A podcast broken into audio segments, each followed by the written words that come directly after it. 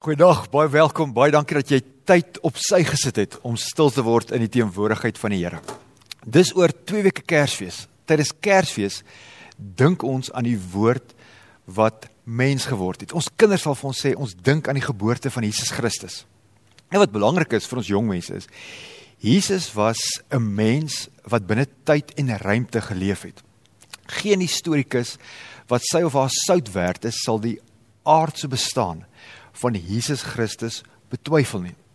Dan kan ons ook gesels oor Jesus se disippels en hulle ervaring van hom. Johannes skryf in sy eerste brief hoe hulle na Jesus geluister het, hoe hulle hom gesien het en hoe hulle met hulle hande aan hom gevat het.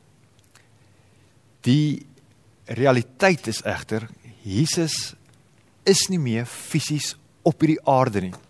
Ons kan nie vandag in 'n vliegtyg klim Jerusalem toe vlieg en na Jesus gaan luister of by hom gaan kuier nie. As ek ooit 'n toer Israel toe moet vat, sal ek by ons eerste vergadering sê, dit gaan 'n wonderlike toer wees. Ons betaal nou duisende rande, maar Jesus is nie meer daar in Israel nie. Jesus se hemelvaart het hom op 'n bepaalde manier van ons af weggevat. En daarom kan ons ook nie mense verkwalik wat sê Jesus is ver weg nie. En dit strook ook baie keer met ons ervaring van die Here God. Omdat ons die Here God nie kan sien nie, voel dit soms vir ons of die Here God baie ver weg is. In Europa, daar in Skotland is 'n liberale teoloog, die biskop van Edinburgh, wat 'n rukkie gelede vir sy gemeente, vir sy mense gesê het, ons moet dit aanvaar dat ons op ons eie is, dat Jesus nie meer hier is nie. En dis interessant. Op hierdie punt stem baie van die behoudende Christene saam met die liberale teoloë. Albei kampe sal sê dat Jesus ver weg is. En ons hoor ook hierdie stemme in die kerk. Baie van ons Katolieke, van die biljoen biljoen Katolieke wat in die wêreld is, sal sê Jesus is nie meer hier nie, maar ons het daarom nog die kerk en ons het die priesters. Van die mense, van die gelowiges uit ons tradisie, die protestante sal sê Jesus is nie meer hier nie, maar ons het daarom nog die Bybel. Ons familie in die Pinkster tradisie sal sê Jesus is nie hier nie, maar ons het daarom nog die invluistering van die Heilige Gees. Paar dae voor Kersfees, 2 weke voor Kersfees. Ek wil vandag verkondig en ek wil dit sê en ek wil dit glo en ek wil dit ek wil dit bely dat Jesus baie nader aan ons is as wat ons dink. Ek het 'n 2-jarige seentjie. Sy naam is Theodor en soos meeste van julle wat gelowiges is, wat ook klein kindertjies het, lees ek en my vrou ook elke aand vir hom 'n Bybelstorie uit die kinderbybel.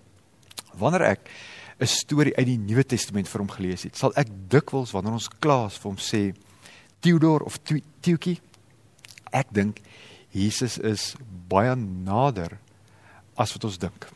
So die boodskap vir vandag is: Dis Kersfees oor 2 weke. Jesus is nie meer in Israel nie, maar hy is nader aan ons as wat ons dink. As gelowiges wil ons weet en wil ons beleef dat Jesus naby is. As jy 'n ouer is wat kinders en kleinkinders in Australië of Nieu-Seeland het, dan wil jy tog glo en jy wil weet dat Jesus naby aan hulle is. As jy iemand is wat nog wonder oor die Christelike geloof, as jy wil ondersoek instel na Jesus Christus en dit wat hy kom doen het, dan wil jy tog met sekerheid weet dat dit wat hy gesê het waar is, dat hy by ons is en dat hy naby ons is.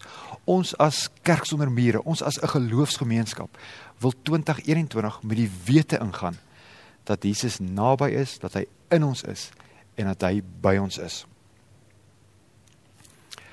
Ons gaan vandag na paar verse in die Nuwe Testament kyk wat vir ons iets sê van Jesus se teenwoordigheid op hierdie aarde. Nou die eerste gedeelte waarna ons gekyk is waarskynlik die bekendste gedeelte wat iets sê oor Jesus se hier wees na sy hemelvaart. Dis Matteus 28 en Jesus gee die opdrag dat sy groep vriende, hierdie disippels na al die nasies toe moet gaan om die mense sy disippels te maak. En dan verseker hy hulle en hy sê vir hulle onthou aan my is alle mag in die hemel en op die aarde gegee. En dan kom wat die jong mense sal sê 'n reminder. Hy sê vir hulle en onthou ek is by julle. Ek is by julle al die dae tot aan die volëinding van die wêreld. In die Hollandse vertaling staan daar en en vergeet dit nie, ek ben altyd by u. Die Engelse vertaling, die NIV sê and surely I am with you always. Ek, nie die Heilige Gees nie. Ek as Jesus Christus, ek is by julle al die dae tot aan die volëinding van die wêreld. Ons kry basies dieselfde boodskap by Paulus wanneer hy skryf aan die gelowiges in die stad Efese in wat ons vandag noem Turkye. Hy herhaal basies dit wat Jesus sê, maar Paulus was 'n rabbi. Vir die jong mense sê ek altyd hy was die doeksleerling van die doeksleerling. Hy het die Ou Testament waarskynlik uit sy kop uit geken. En hy werk hier met Psalm 68 om iets vir ons te sê van Jesus se hier wees op hierdie aarde. En dan wanneer hy oor Jesus skryf, sê hy die een wat neergedaal het, dink aan Kersfees, die een wat neergedaal het, is ook die een wat opgevaar het bo alle hemelruimtes uit om alles met sy teenwoordigheid te vul. Jesus is die een wat alles met sy teenwoordigheid vul. Daar kan oor hierdie begrip, oor hierdie woordjie alles nie 'n misverstand wees nie. Dis die hemele en die aarde. Dis die ganse werklikheid. Ons ons vandag kerk sonder mure, ons vriende, ons kan hom nie sien nie. Maar hy is teenwoordig by ons. Jesus is nader aan ons as wat ons dink. 'n Ander baie bekende gedeelte is Jesus se woorde in Matteus 18 vers 20. Nou as jy al ooit op 'n kerkraad of 'n gemeenteraad of een of ander kommissie of komitee van jou gemeente was, dan sou jy hierdie woorde al baie keer gehoor het en dikwels word vergaderings met hierdie woorde geopen. Jesus sê: "Waar 2 of 3 in my naam saam is, daar is ek by hulle." Jesus sê nie dat ons hom gaan sien nie, maar ons kry 'n duidelike belofte dat hy by ons is. Ons kry in die eerste hoofstuk, hoofstuk van Openbaring, ook 'n prentjie van die vroeë kerk. Nou as ons sê of as ons praat van Openbaring, dan dink ons baie keer aan die eindtye, maar die eerste 3 hoofstukke van Openbaring gaan oor die hier en die nou en is 'n prentjie wat vir ons geskets word van wat in die gemeentes daar in Turkye gebeur het hier rondom die jaar 100.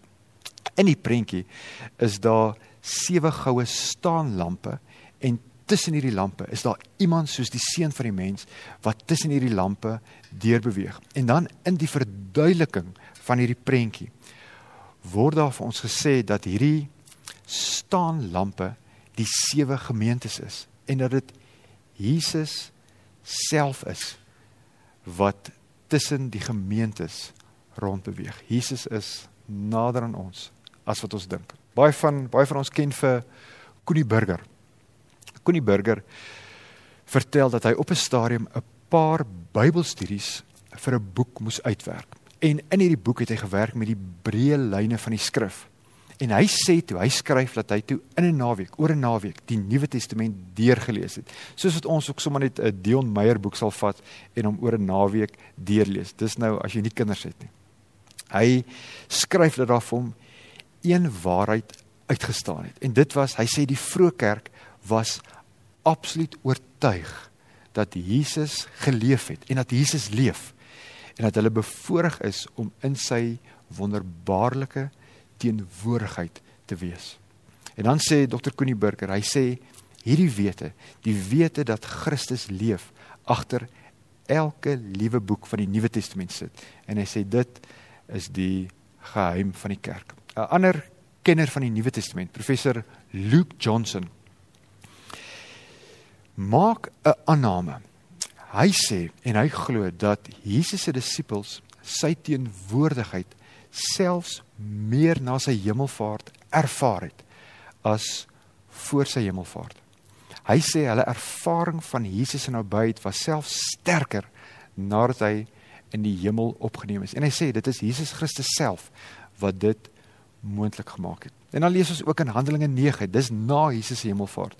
Dan lees ons van Jesus wat met Paulus en Ananias gesels. Jesus Christus word nie gesien nie, maar hy praat met hulle. So ons moet nie dink dat ons met ons fisiese oë alles sien wat rondom ons aangaan nie. Ons moet ook nie dink dat omdat ons nie vir Jesus sien dat hy nie by ons teenwoordig is nie. Jesus Christus is die een wat self beloof het dat hy by ons gaan wees al die dae van hierdie lewe. Ek gaan so so vir ons begin afsluit deur net drie perspektiewe met met julle te deel. Want dit gaan oor hierdie teenstrydighede. Dis Kersfees, Jesus was 'n mens. Maar ons leef met die realiteit dat Jesus nie meer fisies op die aarde is nie. En dan aan die ander kant kry ons hierdie beloftes, hierdie woorde van Christus wat sê dat hy by ons is. So wat wat kan ons as kerk sonder mure? Wat kan ons as vriende van kerk sonder mure? Wat wat kan ons daarmee maak? Hoe moet ons daaroor dink? Die eerste perspektief gaan daaroor dat wanneer ons na die breë boodskap van die Bybel kyk, dan kom ons baie gou agter dat die lewe oor baie meer gaan as net dit wat ons met die blote oog kan sien. Ons sê vandag dat ons nie meer vir Jesus fisies kan sien op die aarde nie, maar dit geld ook vir God die Vader. Nie een van ons het al of sal vir God kan sien op hierdie aarde nie. Die Bybel, die skrif praat oor die werklikheid van God, die skrif praat oor die teenwoordigheid van God, die skrif praat oor God se werk in en deur ons sonder dat iemand ooit die Here God gesien het. En julle dis dis ook inpas met hoe die Bybel ons lewe in hierdie tussentyd, die tyd tussen Jesus se eerste koms en die tyd tussen Jesus se tweede koms beskryf. Ons lewe nie nou uit dit wat ons fisies sien nie, maar ons leef uit geloof en vertroue op God. 'n tweede perspektief en dit gaan oor die hemel. Jesus is in die hemel waar hy sit aan die regterkant van God. Toe hierdie 2-jarige seentjie nou die dag vir my gevra het, "Maar pa, waar is Jesus?" Toe sê ek vir hom, "Jesus sit aan die regterkant van God." En toe ek dit sê, toe besef ek, dis dalk nie die beste antwoord wat mens vir 'n 2 2-jarige kon gee nie, maar dis wat ek vir hom gesê het. Daar was 'n teoloog met die naam Karel Barth. Van die mense sê Karel Barth was die grootste teoloog die afgelope 1000 jaar. Nou Karel Barth help ons om iets te verstaan van die hemel. Hy sê die hemel is deel van die skepping. Nou hoe kom hy daarby uit? Hy werk met die heel eerste versie in die Bybel. In die begin het God die hemel en die aarde gemaak. In die begin het God die hemel en die aarde geskep. En dan sê hy die hemel is deel van die dimensie van die skepping wat nie vir ons sigbaar is nie. Die hemel is die deel wat deur God bewoon word, waar sy wil ten volle geskied.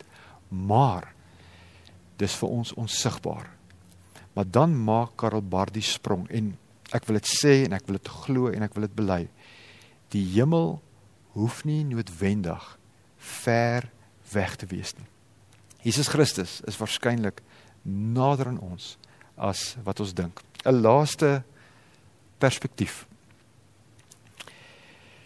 En dit gaan oor die natuur van Jesus Christus. En ek wil nou iets sê oor die Heidelbergse katekismes, maar ek besef as mens sê Heidelbergse katekismes, hardloop die jong mense weg of hulle raak aan die slaap. Maar tog, gee vir my 'n minuut of twee van julle tyd as ek praat oor die Heidelbergse katekismes.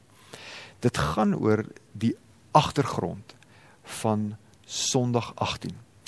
Dit wat agter die vraag van Sondag 18 lê, het gegaan oor Jesus se teenwoordigheid in die nagmaal. Iemand soos Zwingli het gesê, die nagmaal is gewoon 'n herinneringsmaal. Dis vir ons 'n reminder van dit wat Jesus gedoen het, sy kruisiging en sy opstanding. Martin Luther het weer absoluut vasgehou aan die werklike teenwoordigheid van die lewende Christus in die nagmaal. So daar was 'n bietjie 'n verskil tussen Zwingli en Martin Luther se verstaan van Christus se teenwoordigheid in die nagmaal.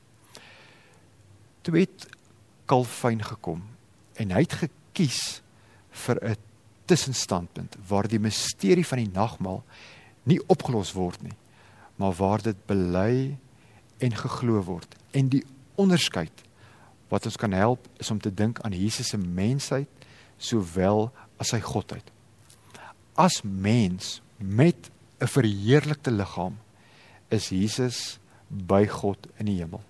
Maar na sy godheid is hy soos ons hier gesels by ons teenwoordig. Na sy godheid is Jesus by ons in Midstream, in Centurion, in Pretoria, in Kanada, in Europa, in die res van Suid-Afrika. Jesus Christus is God en mens. Na sy mensheid is hy in die hemel, maar na sy godheid is hy by ons. 'n Laaste woord. Dis dis amper Kersfees. Jesus het aarde toe gekom. Die seun van die mens, die seun van God is deur 'n jong meisie met die naam Maria in die wêreld ingebring. Na sy kruisiging, na sy opstanding, is hy in die hemel opgeneem, maar hy is steeds naby aan ons.